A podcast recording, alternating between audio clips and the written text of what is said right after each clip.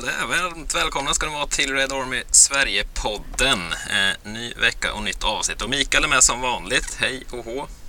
Hej och hå. Hej och hå. Tack för att jag får med den här veckan också. Ja, tack för att du ville komma. En ny hälsningsfras kände jag, hej och hå. Jag vet inte var det kom ifrån riktigt. Eh, förra veckan skulle vi vara med David Selini, men eh, sjukdom hindrade. Men du är här idag, varmt välkommen.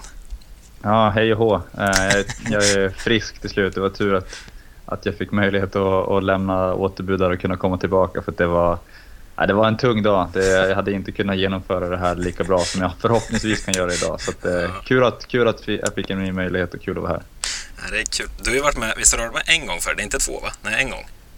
Nej, jag var med en gång, typ ungefär ett år sedan tror jag. Mm. Det var, vi skulle möta Southampton borta ungefär i den tidsperioden, så det var i början på förra säsongen. Så att, eh, nej, Ditt årliga deltagande. exakt, exakt. Det är stort. Det är bara, det är bara stora gäster som är så här återkommande i stora poddar, tänker jag. Så här, en gång per år kommer man och summerar något. Så det är stort. Ja, ja, det är bra. Ja, vad, som sagt, du har ju varit med en gång tidigare, men vi har säkert en del nya lyssnare och många som inte minns kanske, hur man nu inte kan minnas dig tänkte jag säga. Men eh, vill du presentera lite själv, vem du är och varför du tror att du får med i våran podd någon gång om året? Ja, nej absolut. Jag, David Selin heter jag. Jag eh, kommer från Boden i Norrbotten så att jag har eh, stångats på planen mot Mikael några gånger eh, i lite olika sammanhang, lite olika kupper och sånt där. Eh, men eh, jag vet inte om det är därför jag får vara med. Men, eh, det är därför. det, det kanske Det är är, payback. därför. Ja. Det är payback, exakt. Ja, perfekt. Och så att, jag är från Boden men flyttade till Linköping för några år sedan och pluggar till gymnasielärare här nere. Engelska och historia är mina ämnen. Och sen fotbollsmässigt så är det väl att jag är inne på en, en tränargärning som jag har hållit på med i ett gäng år nu. Snart, snart kommer upp, snart upp mot tio år. Jag har coachat juniorlag och eh, ungdomslag i, i Boden och länslag och sånt här i Norrbotten. Och sen här nere så har jag kört ett studentlag senaste tiden medan jag fortfarande har spelat och sen nu har jag börjat, eh, jag har gått in i Sylvia i division 1 som assisterande. Så att eh, mycket, mycket fotboll i mitt liv och det är väl, jag brinner ganska mycket för just det taktiska så att det är väl lite därför jag är här också antar jag. Ja, det får vi väl påstå. Men eh, jag som är född, i, född och uppvuxen i Linköping måste ju, vi brukar prata lite vart alla är ifrån här av någon jävla anledning. Men eh, Linköping bättre än Norrland, eller hur? Vad landar du i? Alltså det, är, ju- det är ju väldigt subjektivt beroende på hur, vad du väver in i bättre. Rent totalt sett så skulle jag säga att jag är ingen vintermänniska så att då är det ju, ju mer söderut desto bättre i den synvinkeln. Jag gillar ju att det är lite längre tid som det är barmark i alla fall. Eh, och att vi kan träna ute fotboll här året runt är ju en ruggig bonus. Så att, eh, eh jag, skulle, jag, jag föredrar att bo söderut. Sen eh, har jag ju såklart starka band till hembygden så att, eh, jag är egentligen från en by utanför Boden som heter Södra Bredåker som jag alltid försöker ge en shout-out till för att det är ett fantastiskt ställe. Så att Södra Bredåker är väl bättre än det mesta men, men Linköping slår Boden i alla fall. Där har man spelat, Bredåker. Ja, har du spelat kuppen där eller? Bredåkerscupen? Nej, jag, när jag spelade så här svinlänge sedan jag spelade, när jag började i Pajala IF, spelade division Ja. 5 där tror jag. Jävlar vilka fester vi brukade ha efter matcherna. Så hade vi så här minibuss och åkte vi hem. Hem efter en vinst från Bredåker. Ja. 23 mil eller vad det är. Jag, jag bodde ju precis, alltså, vårt hus är 50 meter från planen så att jag har ju hängt där hur mycket som helst. Kanske till och med att vi har stångats där någon gång också utan att vi har vet om det. Så att, Ja, det kan det nej, fantastiskt, eh, fantastiskt ställe Södra Bredåker. Så att, eh, om man har vägarna förbi, vilket väldigt Mm. få har, men om man har det så rekommenderar jag det. Ja, Jag minns att det var en ny konstgräsplan då. Vi... Mm. Eh, var då var jag med och rullade ut eh, konstgräset på med två holländare och sen var det jag och min far tror jag som var där och, och krigade på. Fan. Ja, det är fantastiskt. Fan, jag- man är för, lite be, för dåligt berest i norra delen av Sverige. Det är så man skäms, ska jag väl säga. Men eh, så kan det vara. Mikael flyttade ner till Malmö, så något fel måste det vara där uppe. Ja, så är det. kanske. Nej, jag gillar inte heller långa vintrar så. Nej, fy fan. Vilket mörker. Men, men. Vi, du som sagt var här för att prata United. Du håller ju på United också, det måste vi ju förtydliga. Jag vet inte om du sa ens. absolut, det, det är väl, Mm. Tycker jag är självklart. Men Ja. eh, absolut, det jag ska vara tydlig med det också. Så det, de Annars- har, jag har hängt med den klubben rätt länge också. Annars får man inte vara med i den här podden tänkte jag säga. Men eh, vi tänkte i det här avsnittet har vi tänkt att vi ska prata lite mer generellt kring säsongsinledningen och eh, inför förra veckan så fick ni lyssnare skicka in lite, lite frågor till David och ja, jag och Mikael kan säkert inte hålla käften heller, så vi kommer säkert...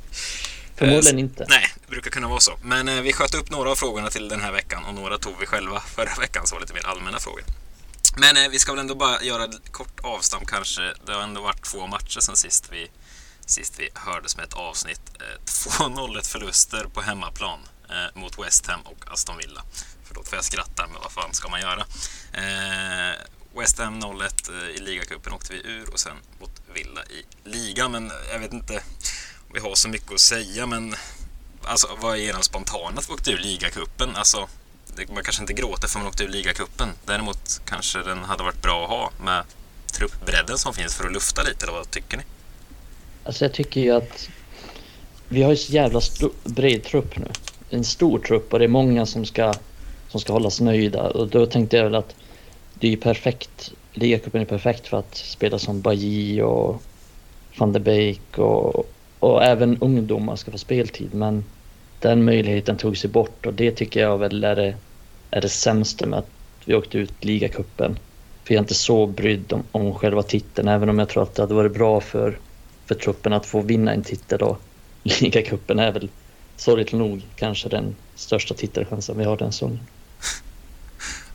Men alltså kul att få se ungdomar så det fick vi ändå inte göra. Alltså, det var ju Alltså, eh, Juan Mata sprang runt. Jag älskar Juan Mata i grund och botten, men det är så fel någonstans som du säger. Här har man möjlighet att lufta och ge Elanga chansen från start till exempel. Nu skulle Mata springa runt och Elanga skickades in som vänsterback i slutet, vilket jag eh, i ett annat avsnitt kanske. Men så jag vet inte. Hade det spelat någon roll om vi gick vidare ens? För de får ju tydligen inte spela ändå. Så jag vet Nej. inte. Alltså jag, min min inställning, alltså, eller vad säger man, uppfattning och förståelse lite av hur han hanterar sånt här. Ole, som, alltså, som Micke säger, truppen är väldigt stor. Uh, jag tycker att det har gått lite för långt det här med att ge kontrakt till spelare som alltså upplevs som att ja, men de är Mata. Fick inte han kontrakt bara för att Solskjaer tycker att han är en bra karaktär? Typ. Ja, att, alltså, han har inte levererat för att vara med i truppen och med tanke på hur många offensiva spelare United har så fanns det ju inget behov av att ge honom nytt kontrakt. Men de pratar ju alltid om att han är en sån fantastisk människa och det har jag inget, alltså, jag litar på att han är det för att han verkar vara otroligt skön i alla intervjuer och sånt här jag har sett. Så jag tror att han är en grym person men, men eh, man måste ju ha någon form av, av eh, förståelse för att ja, men det är ju nyttigare att spela in en sån som, som Hannibal istället. Liksom. Uh, mm. I en sån här match, ge honom chansen för att annars, annars kommer vi ju ha ett spelare som, alltså jag vet inte hur Micke har ju stenkoll på alla de här unga spelarna men alltså är de jag vet att, att vet han, eh, Shore Tirre är väl typ 04, men de andra är väl några år äldre sånt där. De, de är inte, mm. de är inte 16 allihopa liksom. Så att någon Nej. gång måste man ju testa dem. Och och det här är ju perfekta matcher att göra det. Jag menar, nu vet jag att City exempelvis mötte ju Wickham eller vilka de mötte. Men mm. de spelar ju massa juniorer ändå. Uh, mm. och, och, men hade de torskat så absolut. Men nu vinner de i den matchen för att de möter ett så pass dåligt lag. Men jag tror att hade de mött West Ham så hade de kanske bytt ut någon av dem. Men vi hade ju kunnat spela två eller tre unga spelare i alla fall. Uh, istället för att ha som ni säger Mata som mm. springer omkring där. Uh, Matic spelade väl också va, på mitten.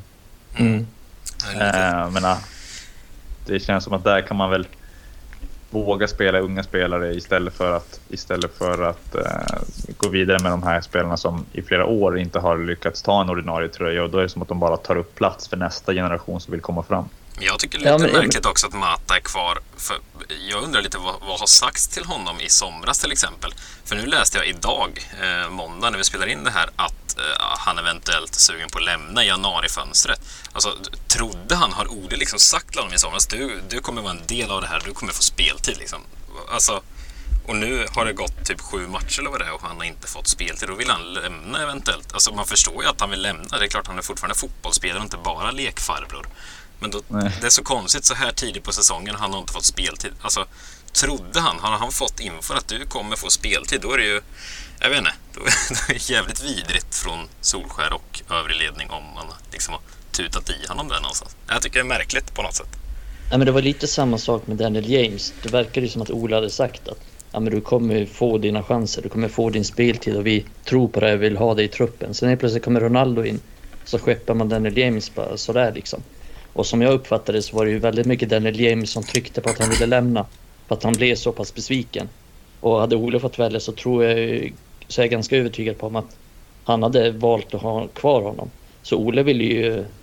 Jag vet inte, det känns som att han kör safe. Han, bara, han vill ha så många spelare som möjligt så att han liksom ja. hela tiden har det täckt. Och jag håller helt med där med, med ungdomar för att ta en sån som Hannibal. Han fyller ändå 19 i januari tror jag.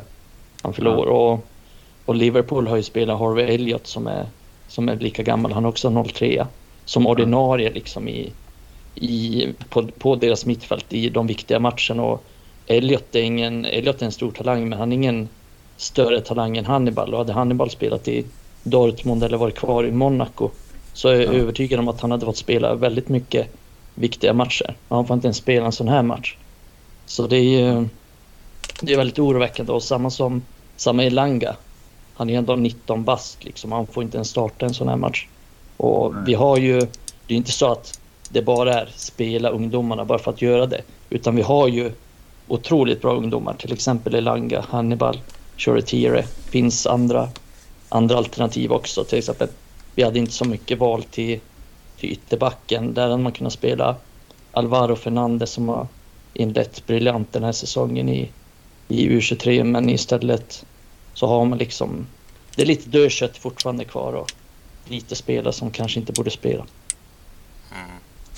Ja, nej, det var ett haveri till insats. Alltså, sen var det samma mot, mot Aston Villa sen också. Alltså, jag vet inte. Det, vi pratade om det innan vi började spela in här. Att det, man behöver inte ens se matchen. Man vet hur det har sett ut. Det, det är precis samma insatser hela tiden. Tycker, tycker jag i alla fall. Eh, att det, alltså det är lite icke-insatser. Eh, jag vet inte. Det, alltså förr när jag växte upp och, och liksom höll på United, då satt man alltid med känslan att det löser sig, vi vinner. Fan, den känslan har jag aldrig längre. Man sitter med med... Jag vet, eh, Mikael, såg du på, på morgonen där, eh, var det lördags vi spelade mot Aston Villa? Ja. Eh, på morgonen skrev Adam i våran Messenger-chatt att han var taggad till matchen mot Aston Villa och jag svarade då att fan, jag känner mest ångest alltså, för jag kände att det bara allt att förlora och det, liksom, det kommer inte spraka om någonting och det, det... Du är också så jävla negativ. ja, det är jag. Men det säger också någonting om någonting. Att så här, ser inte ens fram emot att möta Aston Villa hemma. Det borde man göra, för det borde vara en chans att vinna med 4-1 och det är kanonspel. Men man vet att det inte kommer. Det är så jävla tråkigt alltså. Men eh, ja, så kan det vara. Men eh, alltså, vad, vad tänker ni om den matchen? Det är ju uselt på alla sätt och vis, både kollektivt och, och individuellt. Ja, alltså det, jag tycker, som, eftersom vi, som du sa, man vet hur det ser ut varje vecka och med tanke på vilka spelare United ändå kan mönstra på planen så är det ju alltid Alltså det kommer alltid på något sätt skapas någon form av målchans. United har ju ganska många halvchanser i alla fall. Med beslutsfattning i sista tredjedelen några gånger hade man kanske kunnat, kunnat skapa några till superlägen för att verkligen kunna vinna matchen. Eh, men samtidigt har ju Villa, så att inte Matt target i mål i första när de rullar upp United totalt är ju, är ju otroligt. Så United skulle ligga under redan där. Så det, det, är ju... Det är, jag tycker att kollektivt, all, alltså det är lika dåligt som det, alltså, utan bollen som det är med bollen. Och vi lär väl komma in på det. Men, men uh, att det känns som att, att uh, han... Min uppfattning med Solskjaer är att han hela tiden han, han har gått från att i början alltid snacka om att vi, vi, ska, vi ska vinna och vi ska alltid attackera och sen har det gått över mer till att nu är han, han jag tror att han, han går in i varje match och är livrädd för att förlora. För att i varje, det känns som att varje gång han, han förlorar en match så blir det jätte, jättemycket kritik och det är att nu är det kaos och nu är United är sämst och sen när de, om de vinner en match då är oftast, och nu pratar jag hur, hur det brukar se ut på sociala medier framförallt, Eh, så är det guld och gröna skogar. Och nu har de hittat någonting här och Ronaldo kommer in och nu kommer det här ske. Eh, så jag tror att han, han kommer in i matcherna och är rädd för att torska och då tror jag att det sprider sig också till spelarna på ett sätt eh, som det inte borde göra med tanke på vilka, vilka de är. Och oavsett hur, hur det är uppstyrt rent spelmässigt eh, så om, om spelarna bara går in i matcher med en, en, en, liksom, en inställning och en känsla av att men det här kommer fixa sig så så, eh, så tror jag att man får, får väldigt mycket gratis. Då behöver du inte ha den bästa spelidén om du kan hela tiden motivera spelarna på att ja, men vi kommer gå ut och köra över de här för att vi är så pass bra. Uh, men min uppfattning är att han, att, att McTominay och Fred alltid spelar ser jag som att ja, men det är för att han är livrädd för att eftersom han inte har, fun- han har inget försvarsspel som funkar. Eh, för att det blir alltid, det är alltid öppet över hela planen och det blir så stora hål på mitten. Så han måste ha spelare som är dynamiska och kan springa mycket för de kan på något sätt täcka över vissa problem som uppstår för att de helt enkelt orkar springa. Och det gör inte exempelvis Matic och Pogba när de spelar där. Så då vet, alltså, och det vet ju spelarna om. Att okej, okay, nu spelar de här två på mitten. Och de gör det för att, för att han är rädd. Han, han vill täcka upp för oss andra. Liksom. Och, och jag tycker att laget delas upp i som två läger. Vi har fyra spelare oftast som spelar offensivt som de vill inte försvara och sen gör de det knappt. Och sen har du sex andra som försöker lösa problemen som uppstår när du tappar fyra spelare. Eh, och då springer de och jagar och så blir det utdraget och det blir hål överallt och då gör att lag typ West Ham spelar igenom United gång på gång, vilket de aldrig ska göra. Så att i grund och botten så tycker jag att den här matchen är del i, i en, eh, någon form av eh, tema som har, varit nu i flera år. Att, att uh, United går in i många matcher och är rädda för att misslyckas typ mer än vad de är övertygade om sin storhet att kunna faktiskt gå ut och, och prestera.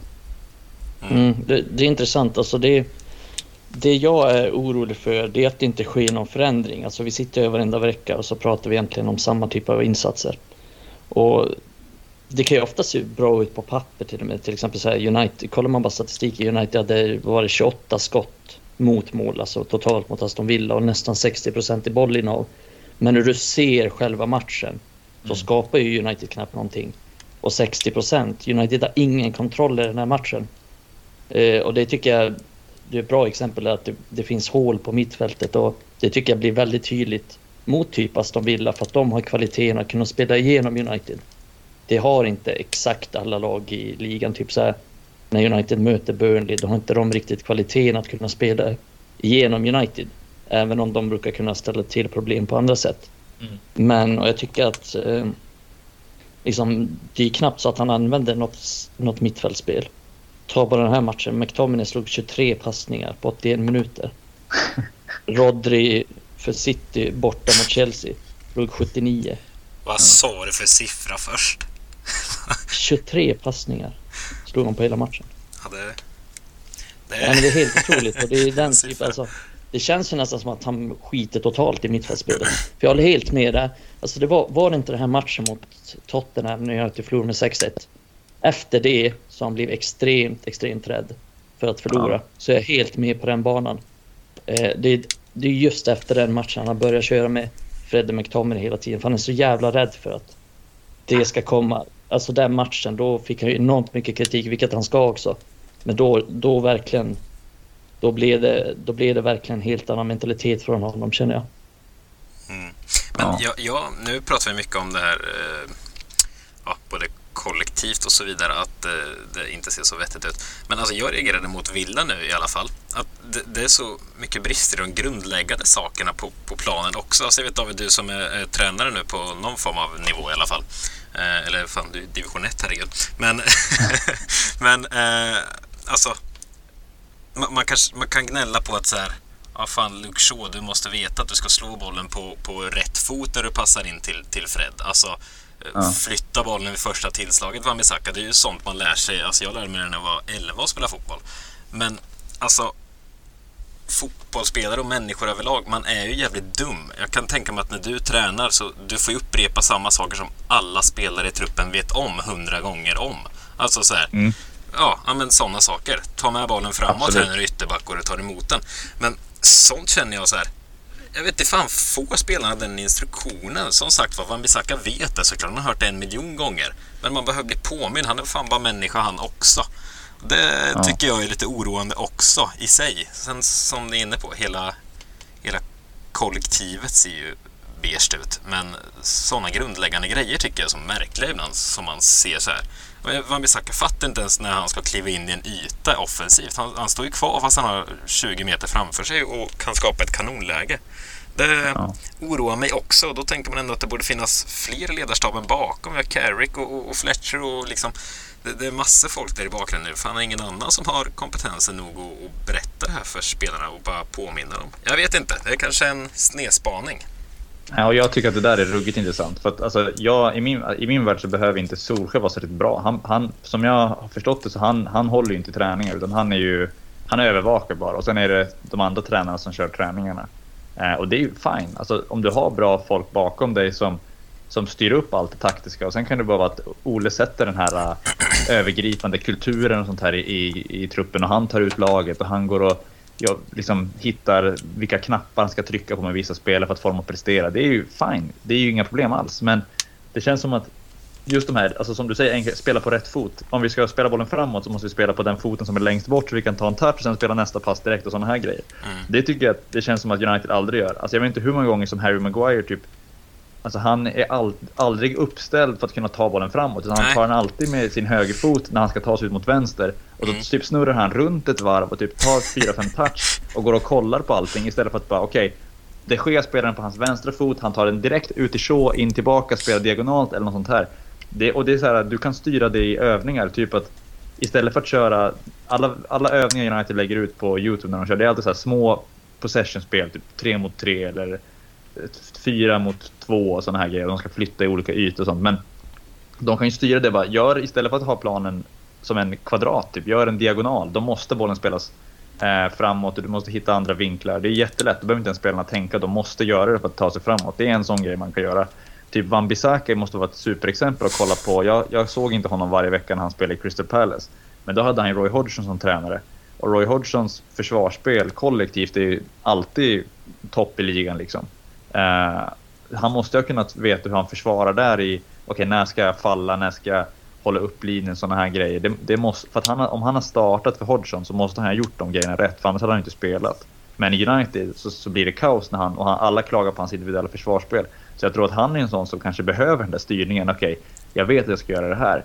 Men det kommer, så här, min, en grej som jag verkligen stör mig på för att, med United, för att om, vi, om jag kan gå in på det lite med hur vi verkligen spelar. att För mig så, det vikt, alltså om United inte kan sätta ihop ett fungerande anfallsspel där det är liksom okej, okay, vi hittar vi positionerar spelare i de här ytorna för att göra det lätt för oss att vända spel och, och kunna spela igenom lag och vi, och vi gör det svårt för dem med vår positionering och sådana här grejer. Om de inte kan sätta det så är det fine om du har ett bra försvarsspel eh, och du har ett, ett bra pressspel liksom högt upp så att du kan vinna tillbaka bollen och sen få kontra. För det, det är United alltid bra på. De är bra på kontra för att de har bra spelare. Och när bra spelare får stora ytor att anfalla på, då behöver de inte fått så många instruktioner i hur du ska bryta ner ett lågt försvar för det helt plötsligt finns det ytor att attackera. Så om du sätter ett försvarsspel som är bra så kommer det automatiskt ge dig an, eller chanser att anfalla när motståndarna är oorganiserade och det skulle gynna United jättemycket. Men jag tycker att United försvarsspel är så dåligt. Deras pressspel är så... Alltså, de går ibland och pressar med några spelare, men det finns ingen uppbackning till pressen. Så det kan vara typ forward jag pressar och sen är backlinjen 40 meter ner. Och då är det en passning för att spela bort 5-6 spelare och sen kommer du att attackera backlinjen. Och då, då blir det liksom... Det blir så öppet så det inte finns. Det var några gånger i den här matchen när typ Aston Villa ganska kontrollerat har bollen på ena sidan. Och det är typ så 30 meter mellan Pogba och Fred. Och det är bara en passning in i mitten så, så attackerar Aston Villa Uniteds backlinje centralt. Bara för att Pogba inte är nere i rätt position. Och menar Pogba är ingen idiot. Om han blir coachad att okay, du ska ner och spela den här positionen varje dag, om de, han får den instruktionen, då kommer han ju göra det. För annars, annars ska han ju inte spela. Oavsett hur bra han är med boll. Uh, och, och, det är den andra grejen att när United, så när United tappar bollen så är de också så oorganiserade i vad de ska göra offensivt. Att spelarna är utspridda över hela planen. Så ibland kan det vara, okej okay, men vi har fem spelare på högersidan som försöker kombinera. Uh, och vi har Pogba kommer över och Fernandes kommer över. Och sen helt plötsligt så slår någon en cross över till Shaw på andra sidan. Men då är han helt själv och det finns ingen för honom att länka med. Så att det är hur lätt som helst för motståndarna att bara flytta över och så är de kompakta igen. Och så får ju Shaw problem för att han är typ utnumrerad tre mot, eller två mot en eller någonting, eller vad det nu kan vara. Så att, och då när United väl tappar bollen, då är det ingen som kan vinna tillbaks den direkt. Och det är nästa grej, för att om du, om du är uppställd för hur du hanterar dina defensiva omställningar, typ som Liverpool, då gör det ingenting om du tappar bollen. För då vinner du tillbaks den direkt och så kan du kontra återigen jag tror på fullaste allvar att Liverpool ibland, när de inte liksom, tar sig igenom, då förlorar de bollen med flit. Typ för att de vet att de kan vinna tillbaka den. Så Alexander Arnold bara slänger in ett inspel mitt framför mittbackarna mot Firmino. De vet att Firmino kommer förmodligen inte vinna bollen. Men då har de tre inne mittfältare som är uppställda bakom för att gå och vinna andra bollen. Och då kan de därifrån hitta en snabb kombination och så är Salah fri och så gör de mål. Och då behöver de inte ha världens bästa anfallsspel genom att bryta ner lag, för det har Klopp haft problem med i flera år. Men eftersom de är så bra utan bollen sen att ta tillbaka den och så kan de kontra på det. Då blir det så effektivt anfallsspel ändå. Så att, och då behöver du, det här, det här är inte svåra grejer att, att coacha in. Alltså ett kollektivt försvarsspel är jättelätt att sätta jämfört med att sätta ett fungerande anfallsspel. Så att de inte lyckas med det ställer enorma frågor för hur liksom hela den här staben är ihopsatt. Och det blir ju ett skämt tycker jag när typ Darren Fletcher som är någon slags direktör är inne och är med på träningarna. Alltså varför han är med, varför han är med och tränar, han har alltid väst på sig och är inne i övningarna. Det är ju, känns som att det är korpenivå liksom. Ja, det är ett kompisgäng där. Det är ju, vi har snackat om det tidigare i podden. Det är så här, vill Maguire spela, då får han spela en match. Det, är liksom så här, ja. det känns som att de bestämmer väldigt mycket själva. Och jag kan tänka mig att det bara blir värre nu med Ronaldo. För han kommer ha en jävla stor makt tror jag. Mm, Men det är intressant ja. med, med backlinjen. Liksom, för jag håller med om att backlinjen är rätt svag och alla har ju snackat innan om att ja, men vi måste köpa nya mittbackar, vi måste köpa nya ytterbackar, vi måste ha liksom så här. Men det har inte spelat någon roll direkt. Alltså, nu har vi fått in Varann som en superbra mittback, men det har inte spelat någon roll. För att jag håller med dig, de hamnar alltid i kläm. För de hamnar alltid mot spelare som springer mot dem ja. med boll. Och det är så jävla svårt. Vi såg eh, Aston Villa höll på att göra mål nu med Watkins när han sprang liksom mot backlinjen. Och det, är ju, det spelar ingen roll hur bra du är en mot en. Det är enormt svårt att försvara då. Det är nio gånger av tio blir man i princip bortgjord om en liksom så anfallare kommer löpande mot en. Speciellt när de, för de flesta som kommer är ju rätt snabba. Och det är intressant med pressspelet för att det håller också med om det du säger att det finns liksom ingen synk i pressspelet. Det känns som att ja, men helt plötsligt får Bruno för sig att han ska pressa. Helt plötsligt, oftast ganska tydligt, får Fred för sig att han ska pressa. Och så kommer han i jä världens jävla fart. Och ofta så, det märks när han gör det, för han kommer glidtacklande in i någon situation. Så blir han bortspelad. Och då är liksom hela det, de har tre, så här, tre, fyra mot vår backlinje. Som bara springer mot dem och de backar undan, backar undan, backar undan. Och det blir alltid farligt och det är ett tecken också på att United håller ju aldrig nollan längre och vi har problem i försvarsspel, vi har problem i mittfältsspel, vi har problem i anfallsspelet och trots det så, så vinner United de flesta matcherna och det är ju precis som du sa innan också att har man jävligt bra spelare då, då kommer det lösa sig ganska ofta. Men ja. det kommer inte räcka hela vägen.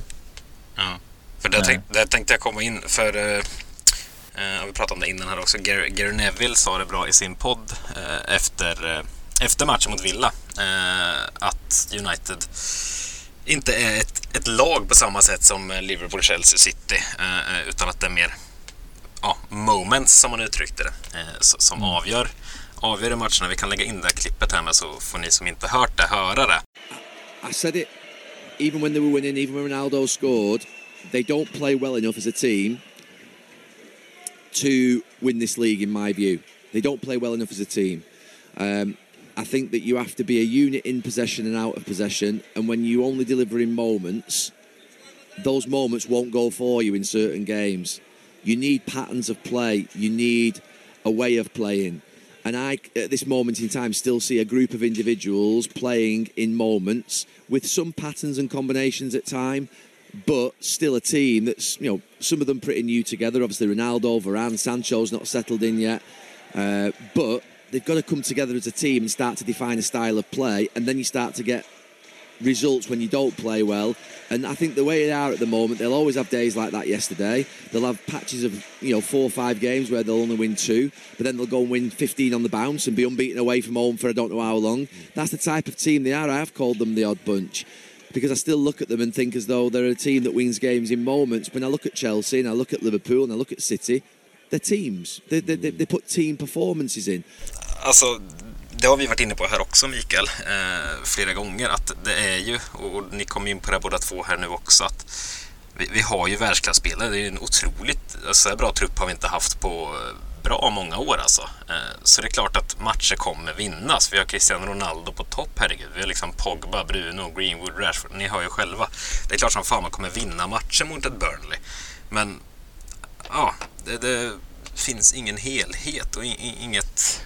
Ja, man söker efter något som inte finns känns det som. Men jag tänkte på det ni var inne på. Är det inte lite anmärkningsvärt? Eh, eftersom det ser så korpaktigt ut på något sätt och man undrar liksom hur, hur det sköts det här på träningsplanen. Alltså flera av spelarna i truppen har ju, har ju liksom alla har ju inte varit i United hela sitt liv. Det är många som varit ute och haft andra riktigt bra tränare och ledarstaber. Borde inte trupper ifrågasätta om det nu är så här blekt och beige som vi vill få det att låta som? Är det inte märkligt att liksom Paul Pogba fortsätter? Nu har ju han bråkat lite till och från, eh, som vi vet, men eh, borde inte spelarna sätta ner foten ännu mer? Liksom Bruno som verkar brinna för det, borde inte han sätta ner foten och säga att nej, Solskjaer funkar inte? Eller är det så mycket mysstämning att de vill vara kvar? Jag tror att alltså, de flesta spelarna eh, som jag har träffat och som när jag har spelat själv.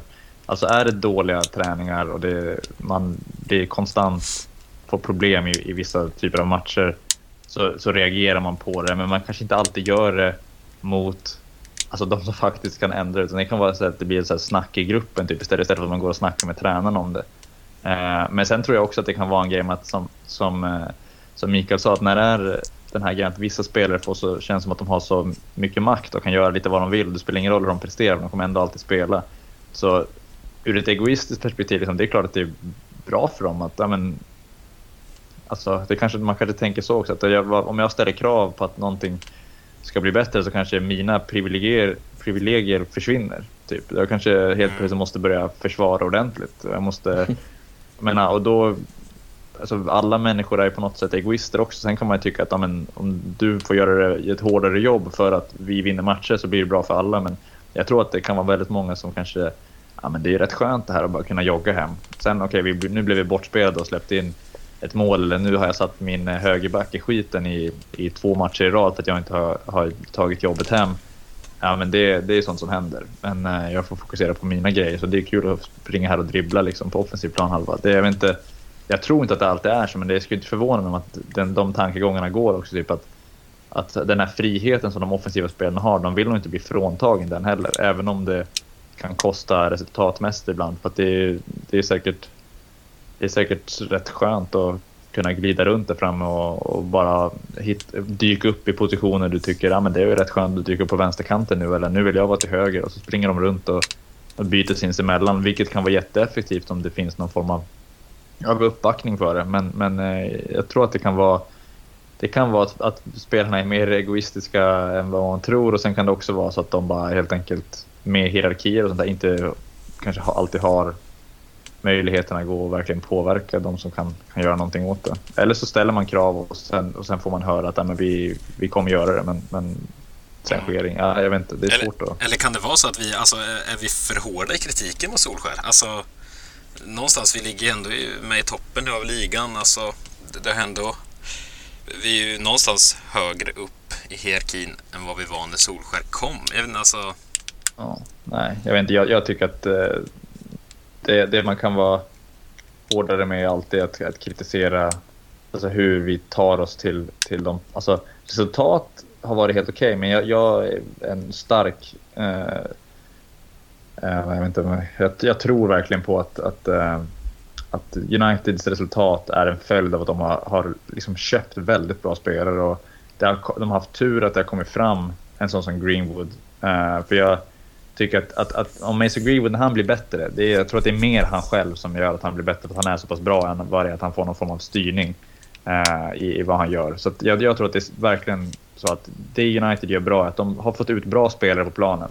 Och då, när de får ett flow, så, så kan de få med sig resultat. Och United har ju konsekvent under Solskär gjort fler mål än vad de enligt alla de här statistiska modellerna med expected goals och sånt här de gör alltid fler mål än vad de borde göra sett till chanserna de skapar. Vilket är ett exempel på att de har väldigt bra offensiva spelare. För att Bruno Fernandes gör mål på ett skott utanför straffområdet som en normal spelare inte gör. Och då slår de ut sådana modeller. Eh, och de släpper alltid in färre mål än vad de borde göra sett till chansen motståndarna skapar. Och då kan man ju säga att ja, motståndarna har sämre avslutare som missar chanser eller att Uniteds exempelvis målvakter är bättre än, än genomsnittet och gör räddningar som andra målet kanske inte gör. Uh, och då, om, om det alltid är så, då känns det som att ja, men, det borde kunna vara bättre. Uh, och så länge den känslan finns att det borde kunna vara bättre så tycker jag att man ska kunna vara kritisk och ställa de frågorna utan att bara stirra sig blind på tabellen. För att med de lönerna som betalas ut, med de transfersummorna som spenderas, med de spelarna som är där, så borde United kunna verkligen, alltså verkligen ligga och slåss om, om att vinna ligan. För att jag tycker att Uniteds front fyra i förra matchen med Greenwood, Fernandes, Pogba och, och Ronaldo inte är ett dugg sämre än de fyra City ställer upp med med Grealish, Foden, eh, De Bruyne och eh, eh, Gabriel Jesus exempelvis. Men de åker och vinner mot Chelsea och de vinner varje match. Eh, Okej, okay, de vann inte på Southampton, men ni fattar. I slutet av säsongen kommer de ligga före United ändå. Även mm. fast jag tycker att United kanske har bättre individuella spelare. Men de, som Neville sa, de är individu individuella spelare. De är inte i ett lag på samma sätt. Och då tycker jag att man kan definitivt kritisera rätt hårt. Mm, och det, det är precis som Neville säger också, när man kollar på Liverpool, City, Chelsea, då ser man ett lag som har tankar med sakerna de gör. Alltså man ser ett kollektiv. Och det gör man inte riktigt med, med United, inte jag i alla fall. Och, och det är precis som, jag är ganska övertygad om att okay, nu, är det, nu är det lätt att säga så här och, och svårt liksom att bevisa någonting. Men jag är ganska säker på att sett Pep Guardiola i United med den här truppen, då vinner han ligan inom en, två säsonger. Kanske redan första säsongen med just den här truppen som finns. Om inte så gör han det nästa säsong. Helt övertygad om det. Och jag tror att liksom, det är samma med Klopp också. Det är det som, det är det som skiljer United från Liverpool, från Chelsea, från, från City just nu. Det är att de har mer kompetens på tränarbänken än vad United har.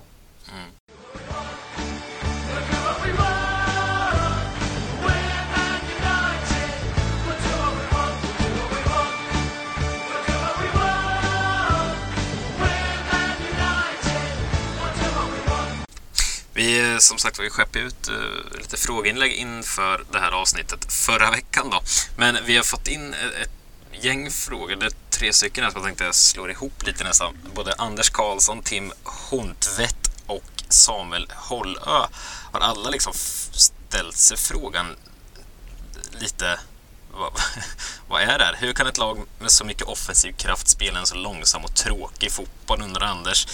Tim undrar vad är vår filosofi? Eh, när vi möter bra lag så backar vi och kontrar men ser verkligen inte något. I, och då drar han upp exempel i matchen mot Young Boys i Champions League eller mot eh, West Ham, den som var i ligan förra helgen. Eh, och Samuel här undrar varför vi har så svårt att vara ett bollförande lag. Alltså det är lite samma... alltså alla ser ju samma saker. David, du är ju ändå... Du utbildar ju ändå liksom... Du, mm. du har ju någon form av auktoritet i frågan tänkte jag säga. Men eh, vi som är vanliga fotbolls... Eh, bara kikar på det hela. Alltså, många verkar ha samma upplevelse och samma... Inte en fråga kan jag säga kom in när vi skickade ut det här så kom det inte in en enda fråga som liksom var positiv. Vad är det här? Utan det, ja, det är negativt bara. Vad, vad är filosofin liksom? Ser du någon filosofi mer än att det vi säger att ge bollen till de individuellt skickliga och sen får det lösa sig? Tror du det finns någon mm. filosofi? Nej, alltså jag tror att den övergripande filosofin är att liksom få spelarna att må bra och sen få dem att prestera utifrån det. Inte så mycket styrt genom vilken typ av spelfilosofi man har, utan mer, mer det där. Få alla spelare som, som vi vill ska prestera, att de ska må bra och komma ut och göra det. Och det funkar ju med en sån som Bruno Fernandes, men han har aldrig varit så här bra. Även om han gjorde mycket mål i Sporting så är det en annan nivå. När han har spelat i Italien så har han inte varit i närheten av att vara på den här nivån. Så att med, det, det, får ju en effekt med vissa spelare, den typen av liksom det övergripande ledarskapet. Och det, det tror jag att alltså, Solskjaer kan göra rätt bra, alltså den, den delen. Men rent spelmässigt så känns det som att det handlar om att så ofta som möjligt ge bollen till de här offensiva spelarna, ge dem så mycket frihet som möjligt att de ska tycka att det är kul och sen att försöka menar, vi ser Pogba, han startar till vänster men han spelar över hela, över hela planen och han kommer och kombinerar och han hittar, han hittar lösningar. Och ibland så hittar han Greenwood och Fernandes ett väggspel där inget lag i hela världen kan hänga med och så blir det mål. Och, och det är ju den positiva effekten du kan få av, av att låta det vara så fritt. Men eh, och, och, sen, och sen när inte det funkar då hamnar bollen på kanten och så är det, då är det inlägg som, som kommer gälla. Och det tror jag också kan vara rätt effektivt när man har Ronaldo i mitten eller när man hade Cavani eh, i mitten. För att de kommer göra mål. Ronaldo framförallt, alltså han är fantastisk i boxen. Så att United kommer göra fler mål från inlägg i år än vad de gjorde förra året bara för att de har honom på planen. Och då blir det också så här, ja men individen är där, det kommer hjälpa oss. Uh, tryck in så många inlägg som möjligt. Vi är ingen som men... kan slå inlägg så det spelar ingen roll. Nej, okej, okay, det, det kan vara en invändning. Men, men det tror jag verkligen är den offensiva idén. Få, ut, få upp bollen till de här spelarna och sen låta dem hitta på saker och använda sin, sin kreativitet och sin individuella, individuella kvalitet så mycket som möjligt. För i, när det handlar om struktur i anfall, alltså ju mer E, över hela Europa, alltså alla lag som, som är i framkant, de har någon form av offensiv struktur med hur de positionerar sina spelare, eh, i vilka ytor de kommer in, vart man vill eh, locka, man kanske locka över motståndarna på en sida för att sen kunna spela ut den och attackera den andra sidan eller något sånt här. Men i United finns inte det, för den strukturen som, det finns ingen struktur med boll. Det fanns en, alltså en hemsk situation i matchen sist här när typ eh, bollen rullas ut till varann och han tar fram den. Men när han sen har tagit fram bollen fem meter, då är han i linje med Wan-Bissaka, Maguire, båda inne mittfältarna som står mellan mittbackarna och sen Shaw som vänsterback. Så det är sex spelare i en rak linje utanför eget straffområde. Och då går det inte att spela för det finns ingen som kan, du kan inte kombinera, du kan inte länka med någon. Den enda spelaren som var i närheten var Greenwood och han drog iväg i djupled. Så det fanns ingen passning att slå och då hamnar bollen hos Wan-Bissaka på kanten. Och så kommer lagen och pressar, för att alla har märkt nu att om vi ska pressa någon av ytterbackarna, då är det Wan-Bissaka som är sämre. Så då styr alla sitt pressspel dit, bollen hamnar där och sen om han tappar bollen så får han all skit såklart för att det är han som tappar den. Och ibland så har ju återigen den individuella kvaliteten är bra. Han kan lyckas göra någon dribbling och hitta Fernandes och sen bryter de sig ut och så är de vidare därifrån från den ytan. Så att ibland löser de problemet, men strukturen hjälper dem inte, den är snarare ett hinder. Eh, så att, och på, runt, runt boxen så hamnar de ofta liksom med alla de fyra offensiva spelarna hamnar i någon form av rad. Mm. Eh, och så kommer båda ytterbackarna upp och United spelar egentligen någon form av 2-2-6 på offensiv planhalva. Eh, där, där McTominay och Fred då ska ligga framför mittbackarna. Eh, men de är också väldigt högt upp, de två inne mittfältarna. Och när United tappar bollen så finns det ingen... Det finns som inget säkerhetsnät på att, som är så tidigt att vinna tillbaka den direkt. Utan då åker man på en omställning och även om sen kanske mittbackarna löser den omställningen eller Fred hinner upp eh, spelaren som, som löper iväg så har United flyttats ner 30 meter i planen och så måste man börja om igen istället för att vara ruggigt organiserade. Okej, men eh, när, vi tappar bollen här så har vi Van Bissaka spelar i den zonen. Han är lite mer centrerad, han täcker upp den här ytan och sen McTominay Fred där och sen vinner vi tillbaka den direkt och sen spelar vi därifrån. Eh, något sånt finns inte, utan det, det är helt det kan se ut hur som helst. Det är hela havet stormar ibland och ibland är mittfältarna nere mellan mittbackarna ibland helt i onödan för att motståndarna har en forward och man spelar två mot en med mittbackarna mot en forward och sen kommer en mittfältare och så blir man tre mot en och så tappar man en spelare på mitten. Och det är så här, ibland går mittfältarna ner, ibland gör de det inte. Och det säger åt mig att det bara är, det finns inget tydligt, så här, det finns ingen tydlighet kring när vissa saker ska ske.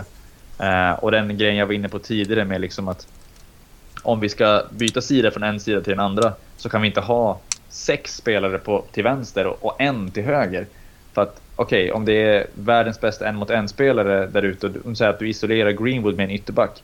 Då måste du ändå få bollen ut till honom så pass fort att han kan liksom få med sig sin första touch mot försvararen och sen ut, utmana för att kunna använda sin en mot en. Men om den passningen ut är liksom i luften, den här passningen som alla United-spelare älskar att slå, den här långa spelvändningen i luften så att de får applåder av fansen.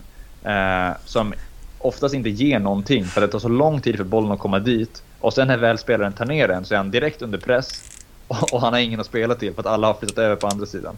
Eh, och då blir det så här, den offensiva strukturen finns inte utan det är verkligen den här frihets, frihetskänslan. Eh, och det var samma sak med Mourinho. Mourinho har samma tänk att han ska ha sex spelare som försvarar och fyra spelare som anfaller. Och de här fyra spelarna som anfaller får göra lite vad de vill. Men Solsjö tar det ännu längre för att han, han vill typ ändå vara offensiv. Så han säger åt ytterbacken att kliva upp. Men jag tycker att när han gör det, det är okej okay att Shaw gör det, men Wan-Bissaka skulle man kunna använda längre ner och vara med och stoppa kontringar och använda honom för att vinna tillbaka bollen istället för att han bara ska stå högt ute till höger eh, och så blir United ihåliga när man väl tappar den. Så jag tycker att filosofin som jag sa, den är mer övergripande och känns mer så här eh, ledarskapsmässig än vad den känns taktisk. Exakt, jag tänkte på det faktiskt eh, tidigare. Han är inte så jävla olik Mourinho ändå. Nej. i sitt sätt liksom att sätta upp laget och sitt sätt att spela. Jag ser Ole nästan lite mer som en destruktiv Tim Sherwood på något sätt.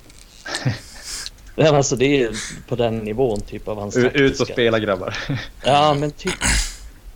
För det är liksom så här. Nu är inte jag världens bästa taktiker så här långt ifrån lika bra som du David. Men när jag försöker analysera det så jag ser liksom inga mönster heller. Ja, men säger Och inte det- mycket att, att vi som inte är så taktiskt kunniga ser det så tydligt?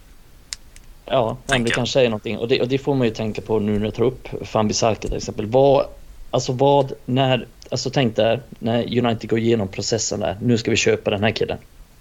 Vad tänker de att han ska göra? Ja, det, Manchester United. Vad tänker de att Fambisaka ska bidra med?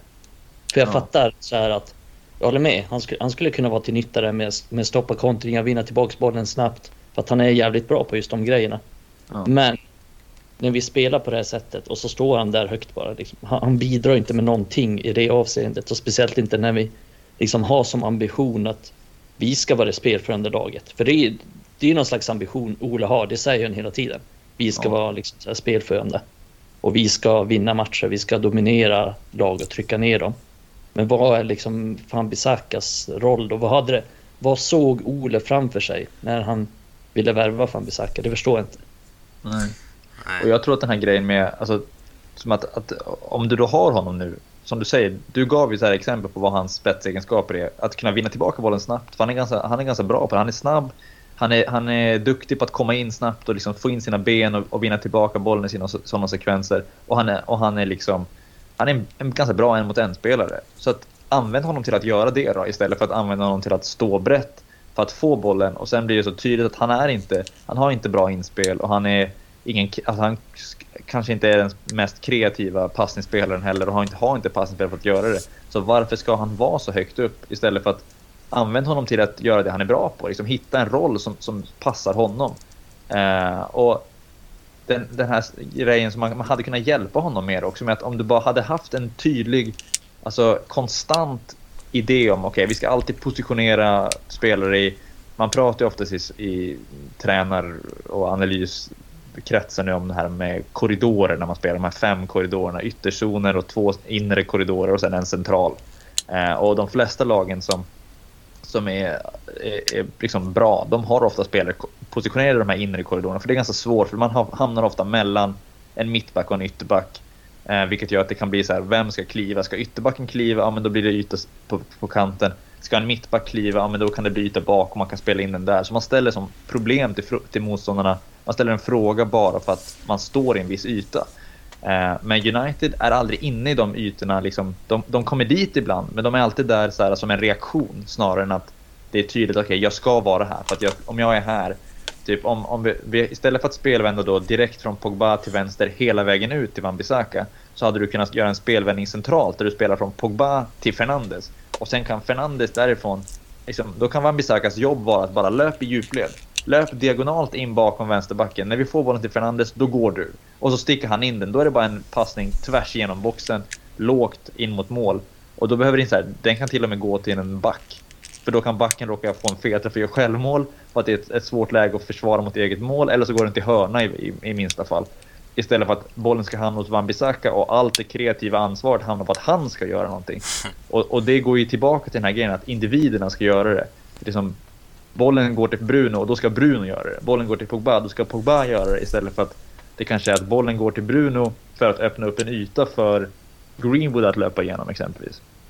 Eh, och, och det saknas ju totalt och det blir skrämmande tydligt i sådana här matcher när, när, eh, när United möter lag som inte nödvändigtvis spelar lågt utan som spelar lite högre och faktiskt pressar United ibland. De behöver inte pressa runt Uniteds box men de kan pressa liksom i någonstans runt mittplan eller 10-15 meter in på Uniteds planhalva för då får United problem i sin speluppbyggnad också. Eh, när lag bara backar hem, då får United i alla fall upp bollen.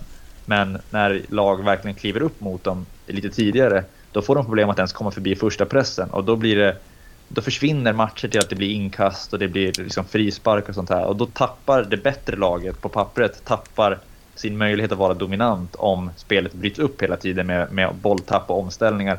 Om man nu inte är bra på att vinna tillbaka bollen och sen kontra på kontringen. Eh, som exempelvis Liverpool eller Manchester City gör. Alltså Manchester City mot Chelsea var ju alltså, otroligt imponerande att se att de stoppade typ varenda kontring Chelsea hade. Direkt klev upp, var aggressiva, stoppade Lukaku och Werner på egen planhalva. Och sen kunde City fortsätta anfalla. Men United, om United gör det, då är det bara för att Maguire, han är som jag, för jag, jag tycker han är en av världens lataste försvarsspelare. Han, han chansar och han försöker ställa offside. Och alltså att han, den här situationen med McGinn, när han drar ner honom på mittplan är också så här symptomatisk för hur United spelade. Varans, han hamnar, eftersom Van Bissaka är så högt upp, så hamnar Varann som högerback ute på kanten. Och Maguire är egentligen en mot två på, på mittplan. Mm. Eh, vilket är så här, hur kan det ens vara, hur kan det se ut så? Eh, så att nej, jag vet inte, det... Men, jag vet inte vad jag ska säga. Men, han är ju typ siste man. Jag kollade, jag kollade den där situationen i repris faktiskt tidigare idag. Ja. Han är i princip siste man när han drar ner honom. Jag tänkte på det ja. med. Det hade inte gått jag vet inte, man hade kunnat argumentera för ett rött kort helt ärligt. Jag tänkte faktiskt på det, att det inte varit någon diskussion kring det. För nu har inte jag sett det i repris, men ja, det var märkligt. Men, eh, men eh, man skulle kunna sitta och prata om, för jag tänkte komma in på nästa fråga, liksom hur man skulle kunna göra. Det skulle vi kunna sitta och prata om i 43 timmar tror jag, men eh, vi ska snart börja avrunda här. Men eh, alltså med nuvarande trupp Alltså, många pratar uppställningar, liksom 4-2-3-1, är folk eh, trötta på att det är fel och, och, formationen och någon spelare hit och dit ska in. Sancho måste spela, han ska inte spela och så vidare. Alltså bara kort och koncist. Som sagt, det här kan vi prata om jättelänge. Men mm. ser du liksom det att ah, vi måste spela 4-3-3, vi måste få en trebacklinje. Ser du något sånt enkelt man kan göra? Eller vad, vad skulle man kunna göra här och nu liksom? Eh, alltså för att liksom knyta an det till de här tidigare frågorna med hur det kan gå så långsamt och varför United har svårt att vara bollförande. Jag, jag tror att mycket handlar om liksom det här med, jag pratar mycket om positioneringen, men jag tycker att den är viktig. Liksom, att du hittar, du, du ställer dig i ytor där du hela tiden hjälper den som har bollen att, ja, men, vi skapar en, ett alternativ. Så när jag får bollen då har du ett eller två alternativ att spela på direkt. Liksom, vi vet, jag vet att när jag får bollen som in i mitt fält är det. då har jag Bruno där och jag har Pogba där och jag vet att Greenwood löper i djupled när jag får bollen här och sådana här grejer. Det gör att det går snabbare, för nu, nu tar det så lång tid eftersom bollen spelas runt i backlinjen. Och jag tror att en anledning till att Maguire liksom stannar och tar bollen och tar så många tillslag är för att han väntar på att någon ska liksom göra sig spelbar och han ska ha något alternativ. Jag, jag, kan inte tänka mig att han bara är så sugen på att ha bollen att han tar 14 toucher varje gång. Bara för att han gillar det. Utan jag tror verkligen att han, han väntar på att någon ska visa sig i en bra yta, men att, men det händer inte riktigt. Så jag, skulle, jag skulle säga att det viktigaste är att, att hitta någon form av struktur med bollen där du får de, här, de, de spelarna United har och vill använda i, i de situationerna där de kan eh, liksom, åsamka motståndarna så mycket skada som möjligt. Och, och jag hade gärna sett att de, de kan spela 4-2-3-1 utan boll. Alltså de kan försvara och försöka pressa som de gör, men att styra upp det så att man pressar kompakt ordentligt hela tiden. Man behöver inte pressa runt motståndarnas box. Backa hem 10-15 meter extra och ligg kompakt och sen när man väl går så går man tillsammans, jobbar ordentligt över med överflyttningar och kunna vinna bollen för att sen därifrån kunna kontra och då har man mer yta att kontra på också än om man, om man spelar högre upp. Eh, och då spelar det så här, om du spelar 4-2-3-1, om du spelar 3-5-2 eller liksom vilken formation du har är inte superviktig så länge det är tydligt hur man ska försvara. Eh, men jag hade gärna sett att de spelade en, en grundformation som kanske skulle kunna vara 4-3. Eh, och kan lika gärna vara 4-2-3, det är inte det viktiga. Men, men, att man i alla fall har tre centrala mittfältare och en fyrbackslinje och sen eh, om man då har en tia eh, eller om man har en defensiv mittfältare, det, är inte, det, det, det funkar liksom vilket som, det jag kommer komma till. Men det jag vill är att man försvarar kompakt tillsammans. Eh, men framförallt när man anfaller så hamnar man konsekvent i en positionering som gör att, att de är hela tiden täckta bakåt med bra täckning med spelare i vissa zoner och att det finns en tanke med hur spelarna är uppställda offensivt. Att det finns en tydlighet att om jag spelar högerytter, då spelar jag högerytter. Jag kan byta ibland, men framförallt spelar jag till höger. Och då hade jag gärna sett Varann och Maguire spela mittbackar tillsammans. Sen, sen som högerback, Van Bissaka kan spela där.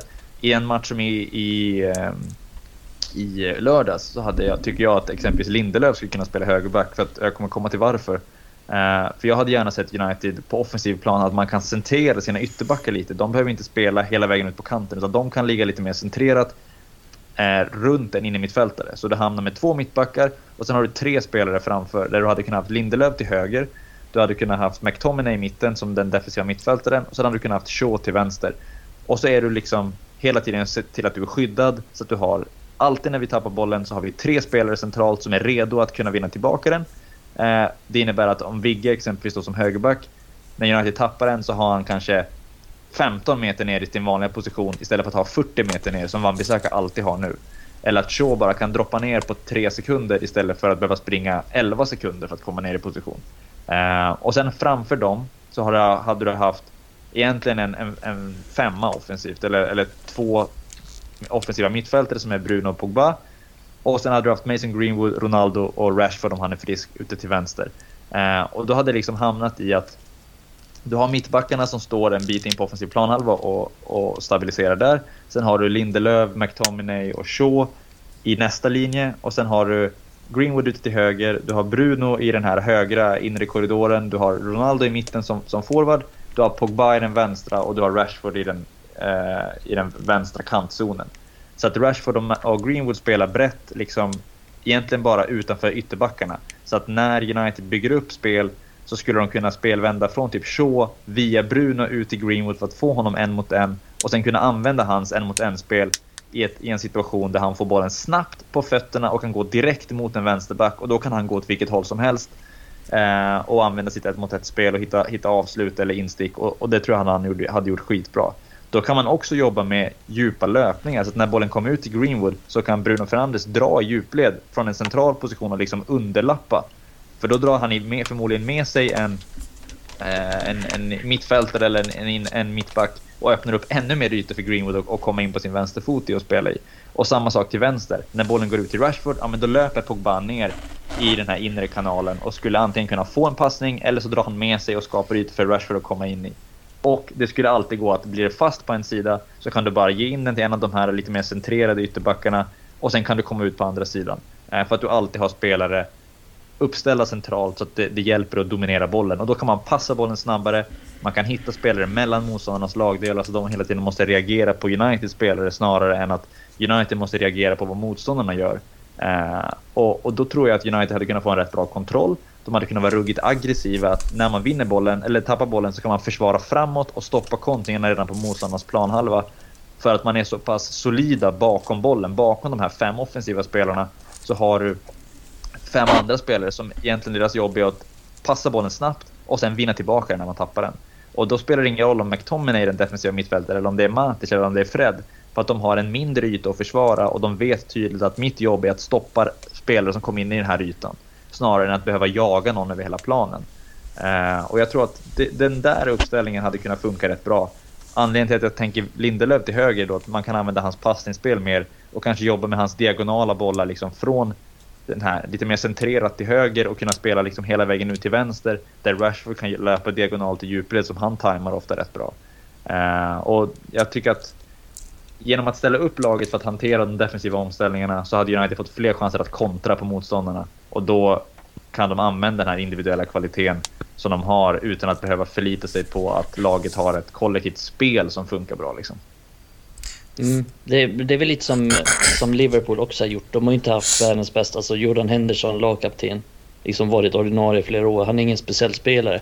Men han har ju ganska tydliga instruktioner. Han får bollen, spel, precis som du säger, spelar den snabbt. Ja. Liksom det, det är hans instruktioner. Vi vinner tillbaka den och så spelar den snabbt till... Ja, nu har jag inte superbra koll på vad de har för mönster så här, men, ja. men han, han, får bollen och så spelar han snabbt till exempel till Salah. Det är liksom hans instruktioner. Så att det är alltså diskussionen är ju ofta att ja, United har inte spelat för det eller det. Men jag är helt övertygad om att coachar man McTominay på rätt sätt, liksom att du har den rollen, du ska vinna bollen och så ska du spela den snabbt. Det, det är ju såklart något han klarar av att göra. Sen kan man ju alltid... Det, det tror jag alla är överens om att United behöver bättre centrala mittfältare men, men man kan ju alltid få det bättre. Liksom, man kan ju släta över släta över de brister man har med ett med en tydlig spelidé och en tydlig taktisk plan. Men det, det tycker jag inte, och som du illustrerar väldigt bra nu, det tycker jag inte att United gör heller. Nej, jag, jag tycker att allting handlar alltid om att liksom, få de spelarna du har att prestera, alltså, få, få dem att göra det de är bra på. Och om McTominay, liksom han, en av hans största styrkor är hans duellspel.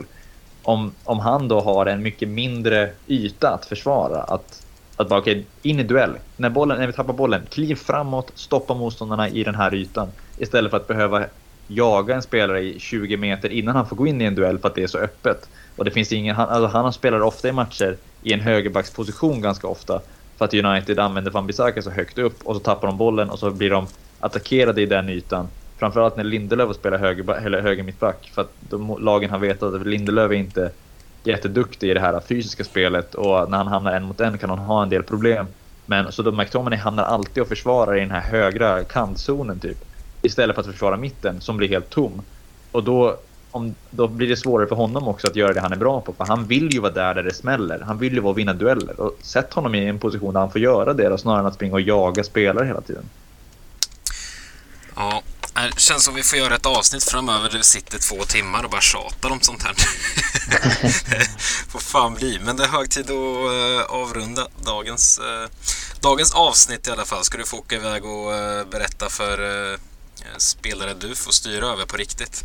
Det är en dröm att få styra över United-spelare kan jag tänka mig någon gång i livet. Men får nöja mig med Sylvia så länge.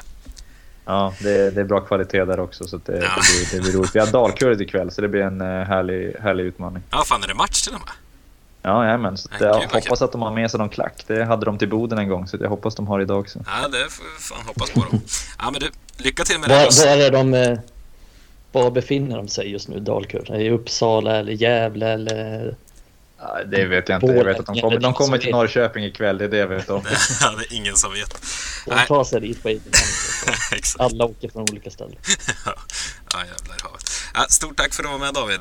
Fick du lära både mig, Mikael och eh, förhoppningsvis alla lyssnare ett och annat. Så eh, ja, Mikael, du är med nästa vecka igen misstänker jag. Ja, det, det finns nog en chans finns, att du är med. Det finns en chans eller en risk om man ser det så. Rykten säger att Adam kommer dyka upp då också. Vi får se, den som lyssnar får se helt enkelt. Eh, stort tack för att du dök in här Adam. Eller Adam ja, kolla. Nu snubblade jag till det här på slutet. Saknar David. Adam. Ja, saknar Adam. Eh, så hörs vi alla lyssnare. Vi hörs eh, nästa vecka. Ha det gott tills dess. Hej!